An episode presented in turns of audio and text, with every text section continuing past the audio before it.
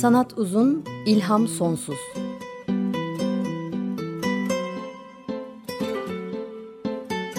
Sanat üzerine psikolojik sohbetler. Hazırlayan ve sunanlar Şenol Ayla ve Timuçin Oral.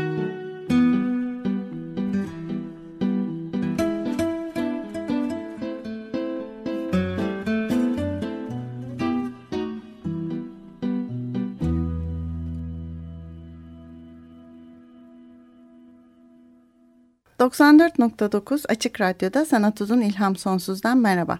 Ben Şenol Ayla. Teknik Masada da bugün Ömer Şahin var. Twitter hesabımız sanat uzun. Bazı e, link ve görselleri paylaşacağım ama bugün çok fazla olmayacak bunlar. Podcast'imiz var. Açık Radyo.com.tr'nin ana sayfasında linkini bulabilirsiniz.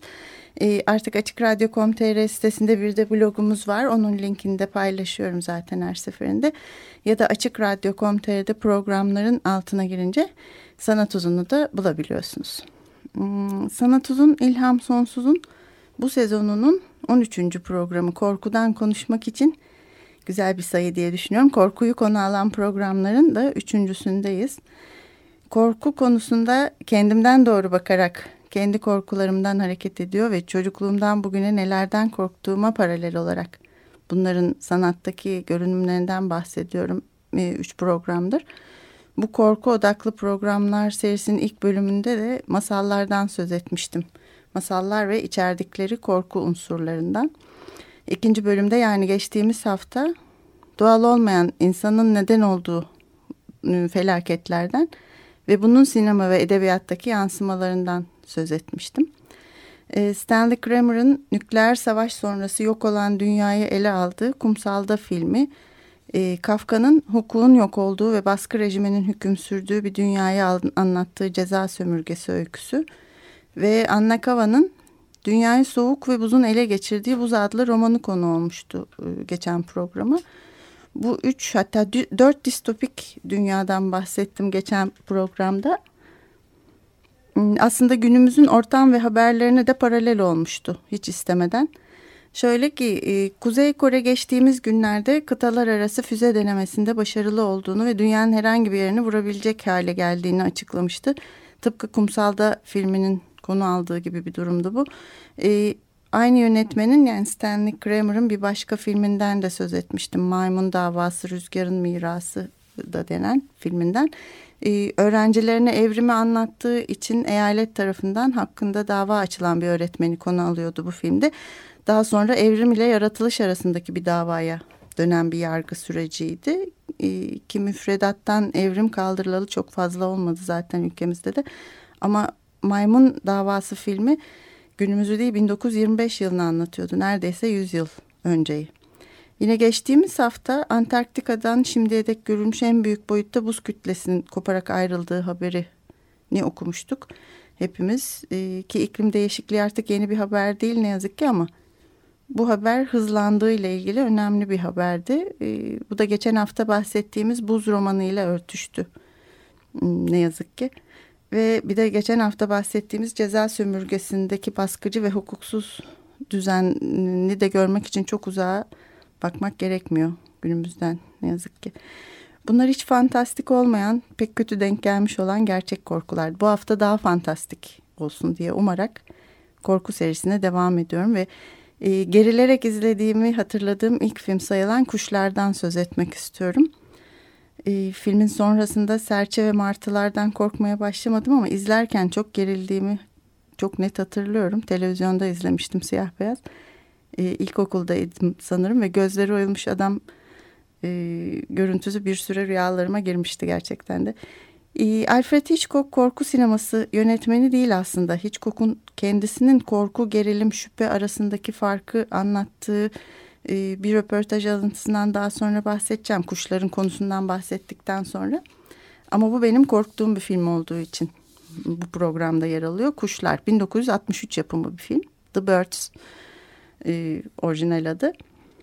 İngiliz yazar Daphne du Maurier'in romanından uyarlanmış e, bir filmden daha bahsetmiştik geçen e, yılki programlarımızdan birinde. Kıskançlığı konu alan programımızda. E, yine Hitchcock yönetmişti. Rebecca adlı 1940 yapımı bir filmdi. Bundan 23 yıl sonra yaptığı bir film Hitchcock'un e, Kuşlar. Hmm, aynı e, yazarın romanından uyarlanmış. Daphne du Maurier bu konuyu bir gazete haberinden esinlenmiş. Hitchcock öyle diyor. Kuşların konusuna gelince izlemediyseniz de az çok bilirsiniz zaten. Film Kaliforniya'nın bir sahil kasabasında Bodega Bay'de kuşların insanlara açıklanamayan öldürücü saldırıları eksenindeki birkaç gün içinde geçiyor. Aslında bütün hikaye bu. Ama kuşlar belki de hakkında en fazla psikanalitik, felsefi, simgesel sinema sanatı açısından bakılan çeşitli yorumlar yapılmış filmlerinden hiç kokun. O nedenle biraz daha ayrıntıya girmek iyi olabilir. Ee, şöyle anlatayım. Sosyete gülü zengin, şımarık ve kibirli Melanie ki bunu Tippi Hedren oynuyor. Sevdiği sarışın sanatçılardan hiç kokun.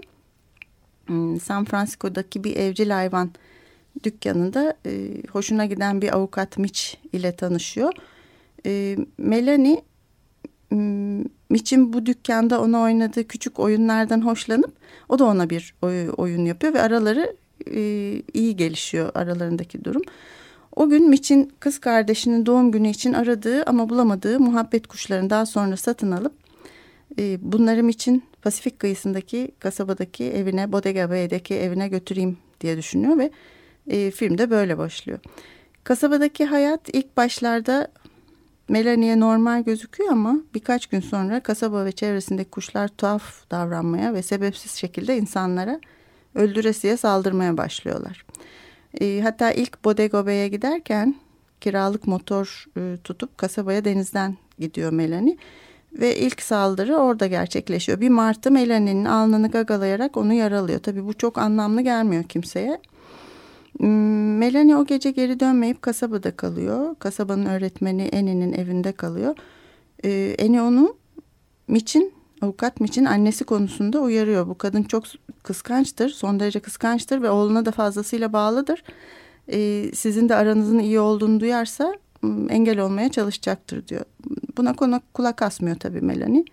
Ee, ertesi gün Mitch'in kız kardeşi Katie'nin doğum günü ve açık havada bir okul partisi yapılıyor. Bu partide doğum günü partisinde ilk büyük saldırı gerçekleşiyor ve martılar çocuklara saldırıp birkaçını yaralıyorlar. Ee, ve o gece aynı gece bacadan eve doluşan bir serçe sürüsü de evde hasara neden oluyor. Ertesi sabahta bir çiftçi bu benim en korktuğum sahne olan gözleri oyulmuş olarak ölü bulunuyor. Ve kuşlar bu sefer de okula saldırıyorlar. E, Melen de orada ve öğretmene çocukları kurtarmakta yardım ediyor. Mitch'in kız kardeşi Keti'yi de fedakarlık yaparak kurtarıyor ve bu durum kıskanç annenin bir derecede olsa gözüne girmesini sağlıyor. Kuşlar saldırmaya devam ediyorlar. Ne yapacağını bilemeyen kasaba halkı e, adeta kafesteki kuşlar gibi kendilerini evlere kapatıyor.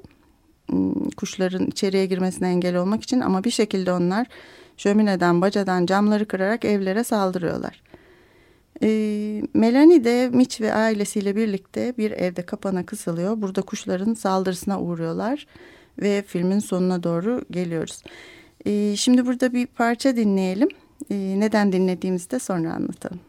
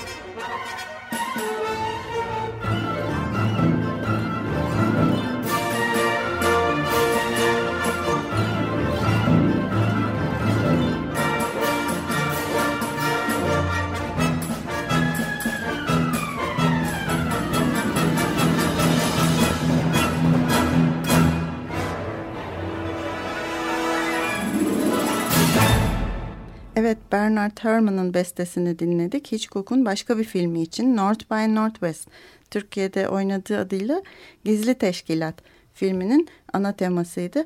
Neden kuşları değil de bunu dinledik biraz sonra söyleyeceğim şimdi. Ee, kuşların konusu buydu. Biraz ayrıntılı anlattım ama bunun üstüne dediğim gibi çok fazla yorum yapılıyor, çok fazla e, konuşuluyor, çok fazla şey yazıldı ve hala da yazılmaya devam ediliyor. Onun için ayrıntılı anlattım. Çünkü aslında buradaki her sahnenin Hitchcock'un buraya koyduğu, eklediği her sahnenin psikanalitik açıdan ya da e, felsefi açıdan bir yorumu yapılmış. E, şimdi Truffaut'a geçmek istiyorum. Önemli Fransız yönetmen François Truffaut 1962 yılının Ağustos ayında Hitchcock ile bir röportaj e, yapmış. Bir hafta süren bu röportaj Universal stüdyolarında bir odada bir çevirmen aracılığıyla gerçekleştirilmiş. Daha sonra da Truffaut tarafından kitap haline getirilmiş. E, bu kitabın Türkçesi de var Hitchcock e, adıyla. Çok çok önemli bir sinema kitabı e, bence.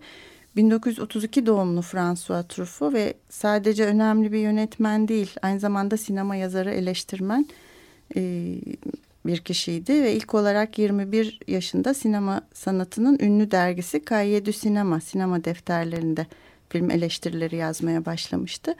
Du Sinema e, sanıyorum en uzun yayınlanan e, dergilerden, süreli yayınlardan biri. 1951'de ilk sayısı yayınlanmış ve halen de yayınlanıyor. Hmm, internetten de bakabilirsiniz. Fransızca bilmeyip okuyamadığım için üzüldüğüm bir dergi gerçekten çok dolu olduğu görülüyor ve hala her ay yayınlanıyor. İşte burada yazmaya başlamış François Truffaut ilk olarak 21 yaşındayken 25 yaşında da kendisi bir film şirketi kurarak yönetmenliğe film yapmaya karar verip başlamış. Çok genç 52 yaşında da öldü Truffaut daha çok yaşasaydı nasıl filmler çekerdi diye düşündüğüm yönetmenlerden. Çünkü bana kalırsa sinemanın yönünü değiştiren ıı, birkaç insandan biri. E, Truffaut Hitchcock'a hayrandı. Ona göre e, Hitchcock izleyici üstünde fiziksel etki oluşturan bir sinema gerçekleştiriyordu. E, bu tür bir başarı da diyor Truffaut tüm yaratıcı kişilerin ulaşmak istediği noktadır. E, haklı bence. Gerçekten de fiziksel etki oluşturabiliyor Hitchcock'un filmleri. E, ve Truffaut o dönemde düşünüyordu ki Hitchcock'un Amerikalı eleştirmenler, sinema yazarları tarafından yeterli ilgi görmediğini düşünüyordu. Hak ettiği ilgiyi görmediğini e, inanıyordu. E, Hitchcock kitabının ve röportajın nedenini açıkladığı ön sözünde de şöyle diyor. 60'lı ee, yılların başında filmlerimi tanıtmak üzere Amerika'ya gidip gelmeye başladığımda Fransa'da yıllardır büyük beğeniyle izlediğimiz Hitchcock'un filmlerine karşı Amerikalı eleştirmenlerin takındıkları küçümseyici tavrı görmek beni çok şaşırtmış ve incitmişti. E, Truffaut'a göre 1959'da New York Film Eleştirmenleri Ödülünü biraz önce ana temasını dinlediğimiz North by Northwest Gizli Teşkilat filmine e, verilmesi gerekirken William Wyler'ın Ben Hür filmine gitmişti. Hmm, hatta daha da çarpıcı bir örnek diyor Truffaut.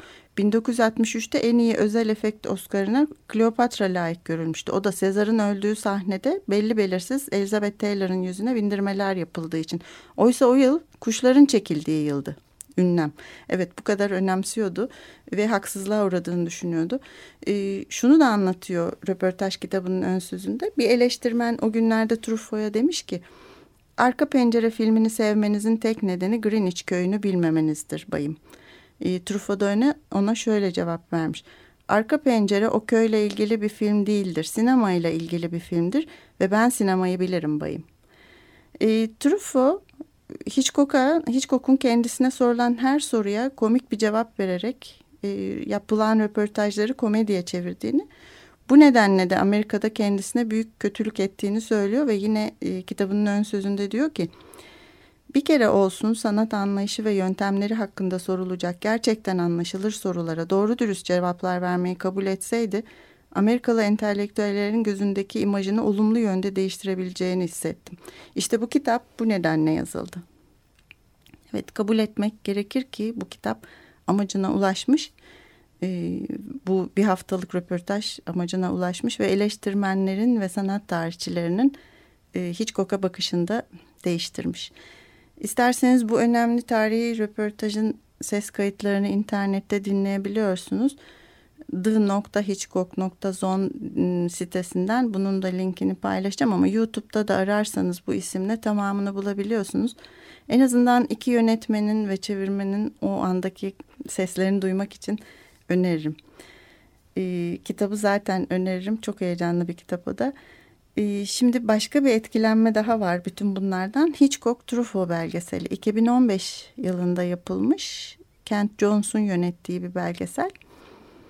Hmm, Hitchcock Truffaut belgeseli de Truffaut'un bu kitabı ve Amerikalı yönetmenler üzerindeki etkisi yönetmenlerin kendi ağzından anlatılıyor.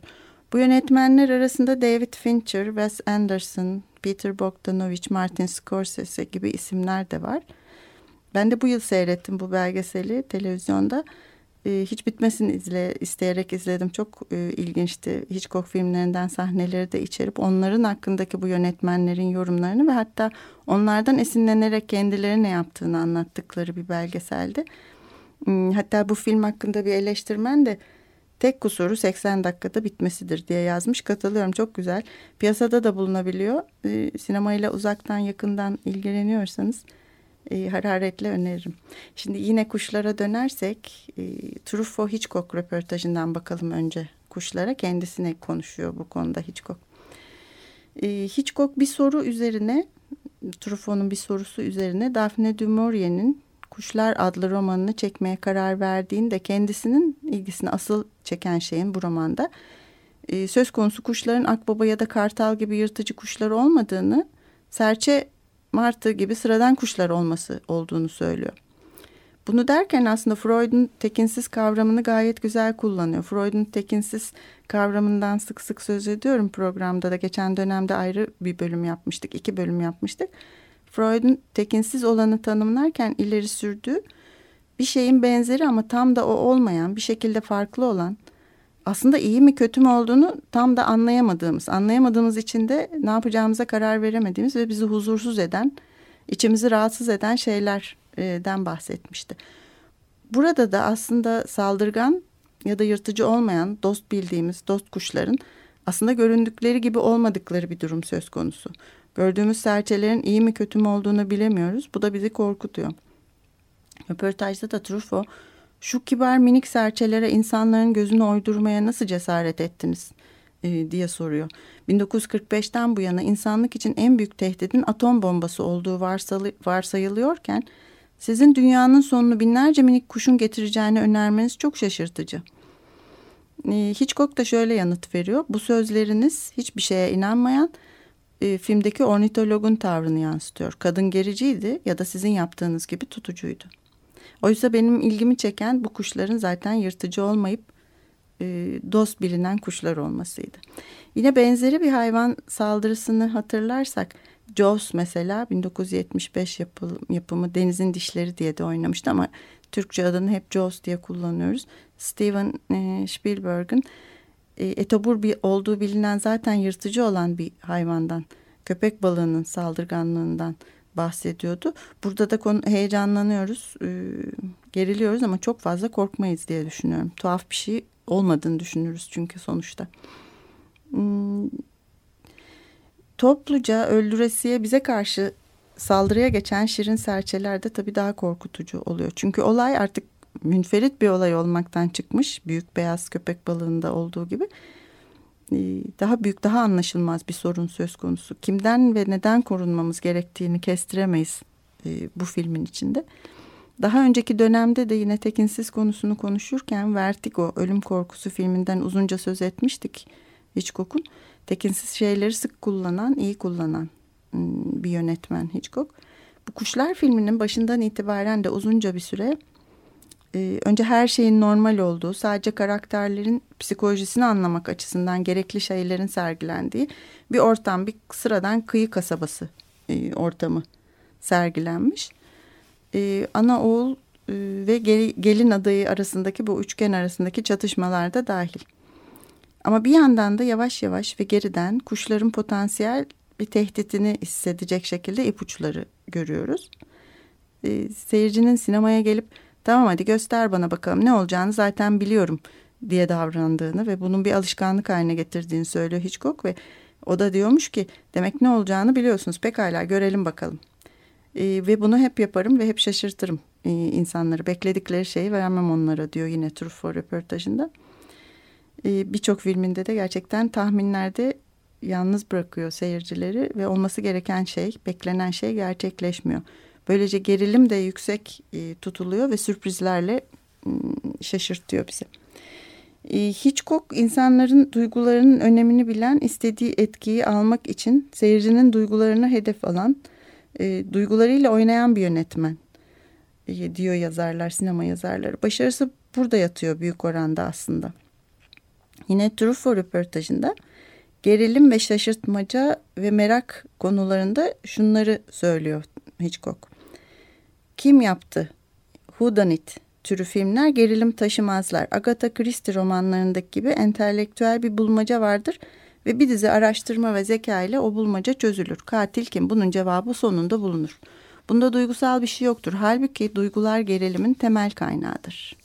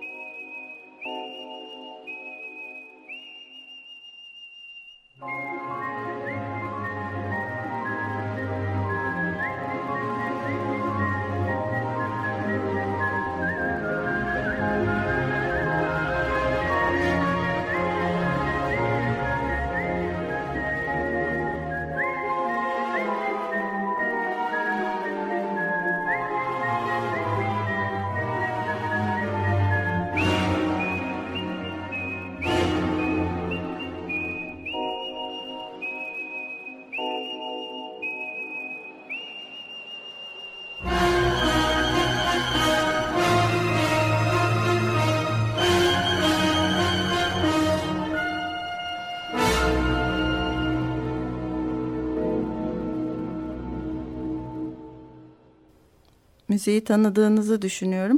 Orijinal olarak Bernard Herrmann'ın e, Twisted Nerve adlı film için yaptığı müzikti. E, bu 1968 yapımı İngiliz-Amerikan ortak yapımı psikolojik bir gerilim e, filmiydi ve Roy Bulting yönetmişti. Twisted Nerve e, sinir kelime olarak sinir bükülmesi ama bozulmuş sinirler, bozuk sinir, e, sapıtmış sinir gibi aslında komik şekliyle sinir sinir üstüne binmiş bile diyebiliriz ama sinirin bozukluğunu anlatan bir e, ismi var. E, Kill Bill filminde de kullanılmıştı. Biz büyük oranda oradan tanıdık zaten bu müziği. E, Quentin Tarantino'nun filminde. E, Bernard Herrmann bu şarkının bu müziğin bestecisi Bernard Herrmann Hitchcock'un çok uzun süre birçok filminde birlikte çalıştığı bir yönetmen. E, duygularla oynuyor demiştim ya Hitchcock işte bu oynamasının büyük e, payı da Bernard Herrmann'ın müziğinde gizli. Gerilim ile şaşırtmaca sineması arasındaki farkı da şöyle açık, açıklıyor Hitchcock Truffaut'a. E, diyelim ki sen ve ben bir masada oturmuş sohbet ediyoruz. Ortada bir şey yokken birden bir bomba patlıyor. Bom. İzleyici şaşırır. Ama diyelim ki yine aynı sen ve ben masada oturuyoruz ama masanın altına bir bomba konmuş ve saat 12'de patlayacak. Saat şimdi 12'ye çeyrek var ve duvara da bir saat koymuşuz. Zaman da ilerliyor. Seyirci bütün bunları başından beri biliyor. Biz bilmiyoruz. Saat ilerledikçe 15 dakika boyunca seyirci gerilir. İşte bu da gerilimdir. Burada seyircinin olaya katılımı vardır. Bizi uyarmak isterler. Hey masanın altında bomba var bırakın bu anlamsız şeylerden konuşmayı bomba patlamak üzere diye bizi uyarmak isterler. E, işte Hitchcock bu ikisini de yapıyor ve izleyicinin duygularını da avucunun içine alıyor. E, eziyor, büzüyor, istediğini yapıyor. E, çok yorumlanan psikanalitik ve felsefi çıkarımlar yapılan bir film Kuşlar demiştim. E, şimdi Slavoj e, Žižek ne demiş onlara bakalım. Slavoj Žižek'in Bir Sapığın Sinema Rehberi daha önce de bahsetmiştik çok kısaca. A Pervert's Guide to Cinema 2006 tarihli e, Sophie Phoenix yönetiminde yaptığı senaryosunu kendisinin yazdığı bir belgesel. Burada bir dizi filme psikanalitik açıdan bakıyor Zizek. Kuşlar da o filmler arasında. Bu filmi de internette bulabiliyorsunuz. Ee, yani Zizek'in Bir Sapın Sinema Rehberi filmini. Ben sadece YouTube'daki kuşlarla ilgili bir kısmını Twitter'dan sizinle paylaşacağım. Ee, o da çok ilginç bu film için belgesel için anlatacaklarını aynı Melanie'nin Kuşlar filminin başında kiralık motora binerek Bodega Bey'e gittiği gibi e, denizden bir motorla Bodega Bay'a yaklaşırken anlatıyor Zizek. E, ve diyor ki kuşların e, yazarı Daphne du Maurier'in hikayesi ve Hitchcock'un filmi açısından karşılaştırırsak bambaşka olduklarını görürüz. Bunu anlamak için Önce Hitchcock'un filminde kuşları ortadan kaldırıp ne oluyor ona bakalım. Kuşlar olmadığında orta sınıf bir ailenin oidipal krizini görürüz. Baba yoktur. Annenin süper egosu oğlunun bir kadınla olmasını kıskanmaktadır ve bunu da engellemek istemektedir. Bu noktada kuşların saldırısı ancak bu oidipal gerilimin boşalmasına hizmet ederler. Oysa romana dönersek Daphne du Maurier'in romanında ise öyküden kuşları kaldırırsak geriye sadece zor şartlardaki kırsal kesimde yaşayan e, bir İngiliz ailenin tasviri kalır. Zor koşullara rağmen hayatta kalmayı başaran köylü insanlar. Peki burada romanda kuşların saldırısı neye hizmet eder? Romanda mesele Daphne du Maurier'in romanında İkinci Dünya Savaşı sonrası refah toplumunda devletin bu gibi bir felaket durumunda hızlı ve yeterli tepki verememesi, hatta giderek işlevsiz olduğunun ortaya çıkması ıı, şeklinde yer almaktadır. Böyle bakınca iki kuşlar çok farklı bağlama sahiptir. Evet böyle diyor Zizek. Ee, Hitchcock e, ile romanın farkı. Ee, şimdi Zizek'in Yamuk Bakmak diye Türkçe'de de olan bir kitabı daha var. Popüler kültürden Lacan'a giriş. Burada da Hitchcock'un filmlerinden e, çok bahsediyor ve ona dayanarak Lacan'a giriş yapıyor. Hitchcock'un filmlerinde hayatın doğal akışını bozan lekeler olduğunu, bu lekelerin hayatın bütün bileşenlerini şaibeli kıldığını ve bu leke nedeniyle de hiçbir şeyin göründüğü gibi olmadığını söylüyor Zizek. E, bu lekeler tekinsizdir ve bu unsurun bizi ürküttüğünü e, açıklayabiliriz diyor.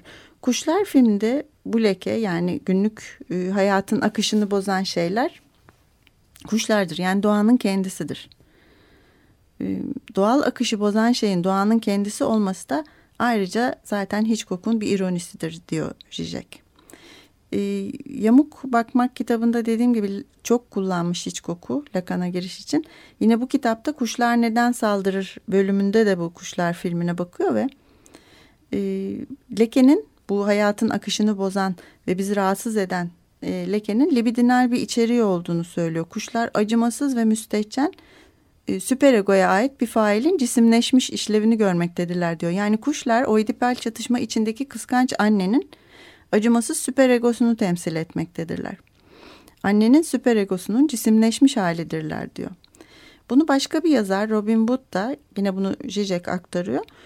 Kaliforniya kasabasının huzurlu gündelik hayatını çığırından çıkaran bu izahı zor akıl dışı eyleme e, dair üç olası yorum mümkündür diyor. Kozmolojik, ekolojik ve ailevi yorumlar. Bu daha çeşitli bir şey ama sonuçta ailevi yorumda o da benzeri bir yere çıkıyor.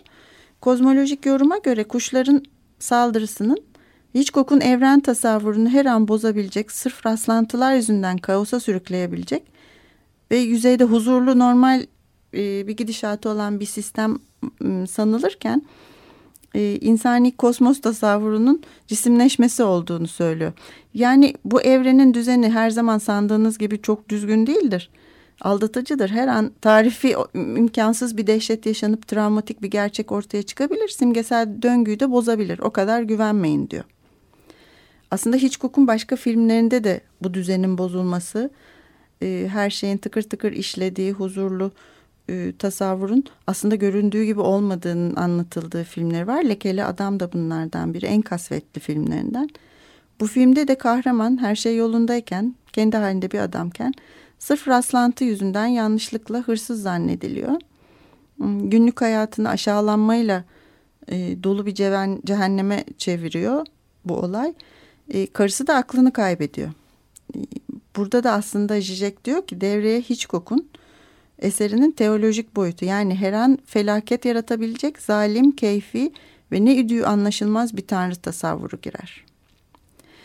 Ee, Robin Wood'un ikinci yorumuna göre, ekolojik yorumuna göre de filmin başlığı dünyanın bütün kuşları birleşin gibi bir şey olabilir. Buna göre insanlar umursamaz çevreyi ve diğer canlıları umursamayan, sömüren e, bir e, işlevdeler ve bunun cevabı olarak da kuşlardan hmm, hatta yumuşak başlı saldırganlıktan uzak olan kuşlardan kötü bir cevap alıyorlar.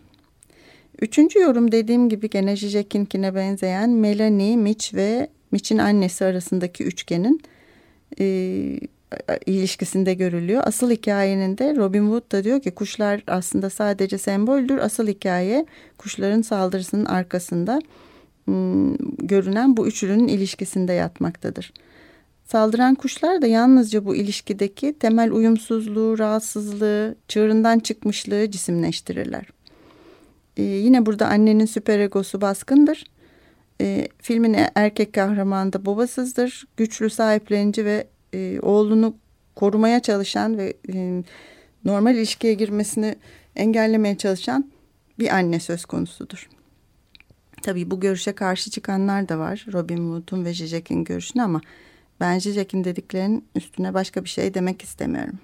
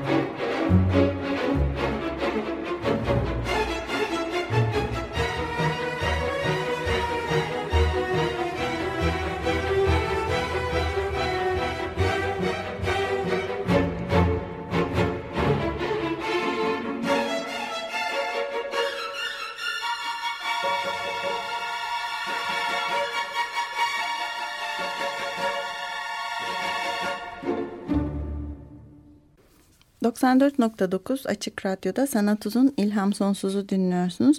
Korku serisinin bugün üçüncü bölümündeyiz. Hitchcock'a ve kuşlara bakıyoruz. Onun çevresinde başka şeylerden de konuşuyorum. E, bu dinlediğimiz Bernard Herrmann'ın e, Psycho filminin Psycho Suite'ti. Güzel ismi var. Sapık Suite'i e, olarak e, adlandırılmış bir besteydi. Psycho filmi için yaptığı müziktendi. Dediğim gibi Bernard Herrmann Hitchcock'la çok e, çalışmış. Birçok önemli filminin müziklerini bestelemiş. Hmm, bu dinlediğimiz de BBC orkestrası seslendirmişti. Aslında bu kadar yakından bildiğimiz ama bildiğimizi bilmediğimiz bir besteci Bernard Herrmann. 1911'de doğmuş ve 75'te ölmüş. Amerikalı bir besteci. Hmm, ve birçok filmiyle de e, ödül almış. Oscar'larda dahil.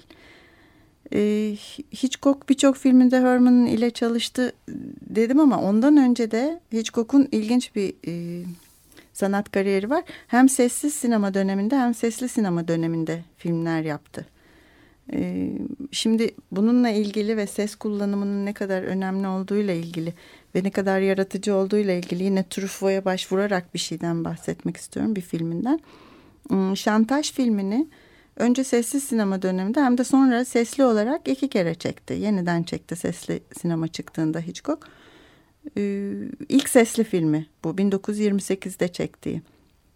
Hmm, sonuçtan da çok memnun olduğunu söylüyor bu röportajda Truffaut'a. Çok basit bir öyküydü bu ama diyor tam istediğim gibi yapmaya da yakın oldum. Çünkü farklı şeyler denedim diyor. Kısaca öyküsüne bakarsak e, bir genç kız var kendi halinde bir genç kız. E, ve bu bir sanatçıyla buluşup onun evine gidiyor. Sanatçı kıza orada tecavüz etmeye çalışınca kız adamı öldürüyor bıçaklayarak öldürüyor. Ve kaçıyor e, ve sonra kızın suçluluk duygusu arasında bir sürü şey oluyor ama bu öykü içinde önemli olan bir şey var. E, şöyle anlatıyor kendisi Hitchcock. Hmm, kız ressamı öldürdükten sonra bir kahvaltı sahnesi var. Kız bu sahnede masada ailesiyle birlikte oturur. Komşulardan biri sözü cinayete getirir. Bir adamı sırtından bıçaklayarak öldürmek ne kötü bir şey der. Eğer ben öldürseydim kafasına bir tuğlayla vururdum. Bıçak kullanmazdım. Bıçak çok saçma diye anlatır. Konuşmalar daha sonra kızın artık dinlemediği hayal meyal sesler karmaşası halinde sürüp gider. Kız sadece sürekli tekrar edilen ama giderek fısıltıya dönüşen bıçak, knife sözcüğünü duyup devam duymaya devam eder. Sonra babasının aniden normal ve yüksek bir sesle Alice ekmek bıçağını verir misin lütfen dediği işitilir ve Alice ötekiler cinayet hakkında sohbet ederken suç aletine tıpatıp benzeyen bıçağı eline almak zorunda kalır. Ee, şimdi bu filmden bu sahnenin sadece sesini kısa bir sesini dinleyelim. Sonra tekrar konuşalım. No, no, that's not right. I must say that's what I think and that's what I feel. Whatever the provocation, I could never use a knife. Now, mind you, a knife is a difficult thing to handle. I mean, any knife. I mean, if you use a pen knife, a knife, where wouldn't belong in a butcher's knife. Alice, cut us a bit of bread, will you? Knife. What's that other knife? That knife. A knife is the same thing. Be careful of a knife. You come up against a knife. I mean, in Chelsea, you mustn't use a knife.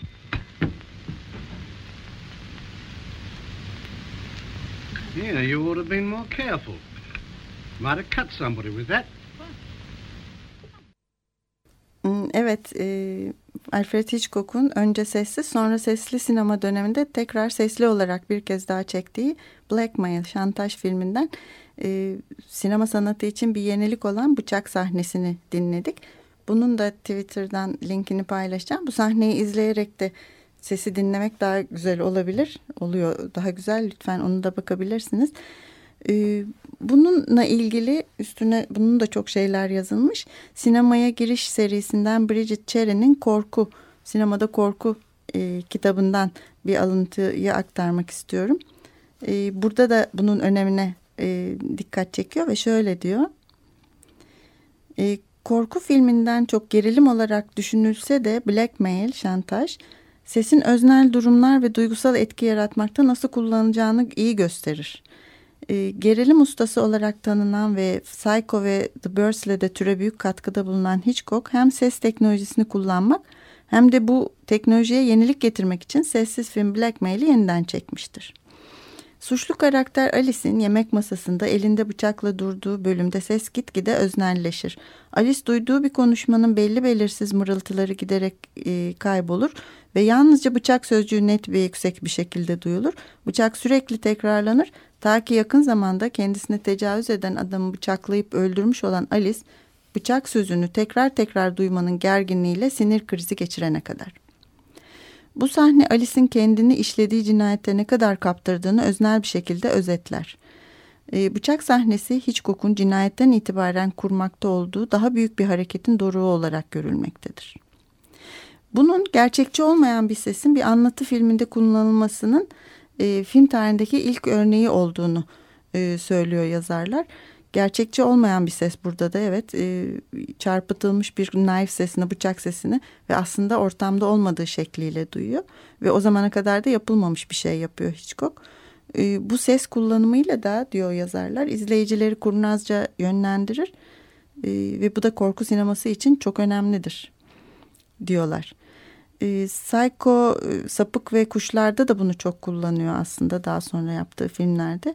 İçsel korku filmlerine de birçok filme de ilham veriyor bu sayede Hitchcock. E, mesela Sapık'ın duş sahnesi de tiz keman sesleriyle ünlü. Bunu da önceki dönemde dinlemiştik. E, anne, fakat onun dışında da e, Sapık Norman'ın annesinin sesi, merdivenlerin gıcırtıları ve ete giren bıçağın sesi gibi ki bunu da kendisi bir kavunun e, kullanıldığını söylüyor Hitchcock çekim sırasında. Diğer ses tasarımı öğeleri de kayda değer. E, bunlar da görüntü ve hikaye kadar korkunun, gerilimin oluşmasına yardımcı oluyorlar. Böylelikle de gerilim, tedirginlik ve kaygı yaratıyor. Hmm, aynı orkestral çıkışlar da yapıyor.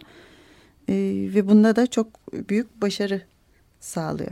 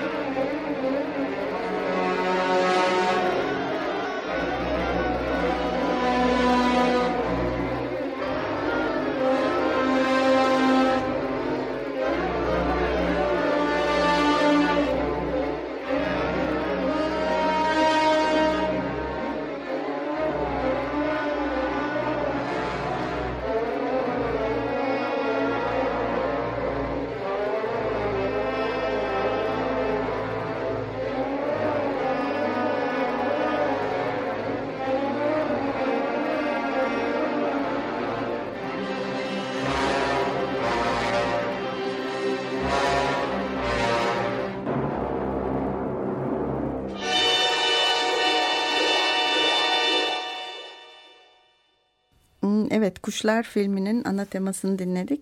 Yine Bernard Herrmann'ın bestesiydi. Ee, serçeler ve martıların göz oyması korkunç geliyor bize dedim. Bu bildiğimizi sandığımız hayvanların aslında tanıdık olmadığımız bir hali.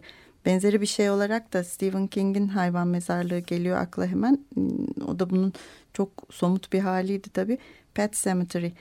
Ee, Stephen King korkunun kralı olarak da adlandırılıyor biliyorsunuz. Onun yazdığı romandan yapılmış bir e, filmdi. 1983 tarihli Mary Lambert'ın yönettiği.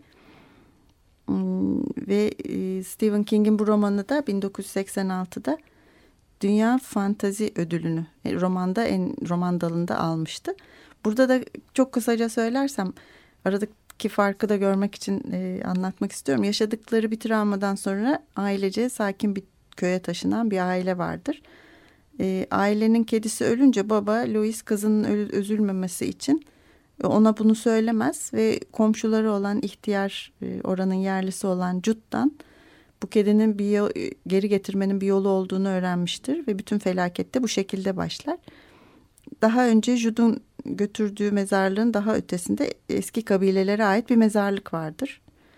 Ve bu toprağa gömülenlerin dirildiği rivayeti vardır. Bunu görenler de vardır. Kediyi buraya gömerler ve bir gün sonra kedi canlanıp geri gelir.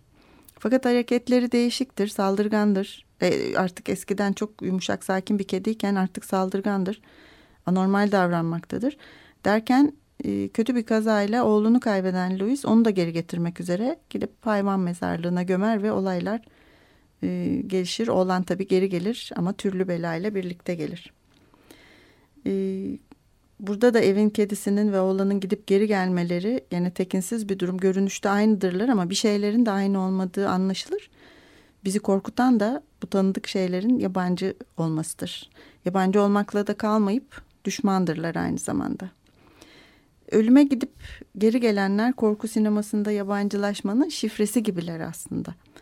Zaten e, korku sineması için de dönemin kaygılarını canavar tasvirlerine kodlar sinema deniyor. E, ben de bu korku serisinde kendi kronolojik korkuların paralelinde bakıyorum korku sanatlarına ama e, haftaya da kapatmak için korkuyu son olarak e, korku filmlerinden de bir kısaca bahsetmek istiyorum. E, bu hafta Martin Lando'yu kaybettik. 89 yaşındaydı. Uzay 1999'un Kaptan König'iydi. Benim çocukluğumun kahramanlarındandı. Ve görevimiz tehlikenin de 1966-69 hmm, arasında 100 e, milyon yüzlü adam rolünü Rolling Handy yüzünü değiştirebilen e, adamını oynamıştı. Orada da çok başarılıydı ama aynı zamanda da Hitchcock'un North by Northwest bugün birkaç kere bahsettiğim harika filmi e, Gizli Teşkilatı da onun Martin Landau'nun ilk çıkış yaptığı filmiydi. Onu da güle güle diyelim. Bir korku filmiyle ilgili e, birini daha kaybettik bu hafta. George Romero öldü 16 Temmuz'da. O da 77 yaşındaydı. O da Amerikalı Kanadalı bir filmci, yazar, editör ve e, korku filmlerinde zombiyi getiren kişiydi aslında. Night of the Living Dead yaşayan e, ölülerin gecesiyle başlayan bir e, dizi zombi e, filmi yapmıştı. E, ölülerin şafağı, ölülerin günü ile devam etmişti e, ve zombi filmlerinin babası olarak da anılıyordu. Onu da uğurladık bu hafta. E, haftaya dediğim gibi korku filmlerinden kısaca bahsedeceğim. Benim vaktiyle sevdiğim bir tür. Onun için biraz onlara bakacağım. E, korku insana keyif ve mutluluk veren bir duygu ya da sanat türü değil. O halde neden seviliyor? Neden bir insan bunları izlemek ister? Korku filmlerinin işlevi nedir diye sormak lazım. Korku filmi izlemeyi seven biri olarak benim kendime çok sorduğum bir soruydu. Bu ben kendi cevabımı buldum. Sonradan neden sevmez e, olduğumun cevabını da buldum. Onlardan da haftaya söz ederim. Ayrıca bu korku üç bölümde bitecek gibi değil. Yeterince korku yaşadık sayılmaz. Masallar, felaketler e, ve normalin dışında durumlar yetmez. Onun için haftaya da kısaca devam edip bunu da kapatırız. Bütün gerilimin filmlerde kaldığı bir hafta dilerim. Hoşçakalın.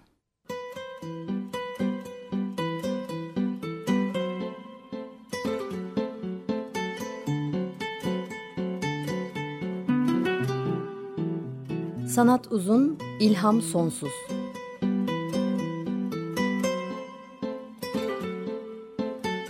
Sanat üzerine psikolojik sohbetler.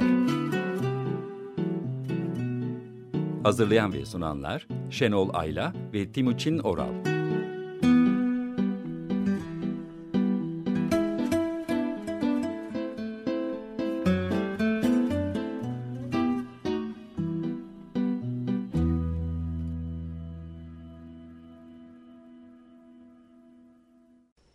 Açık Radyo program destekçisi olun. Bir veya daha fazla programa destek olmak için 212 alan koduyla 343 41 41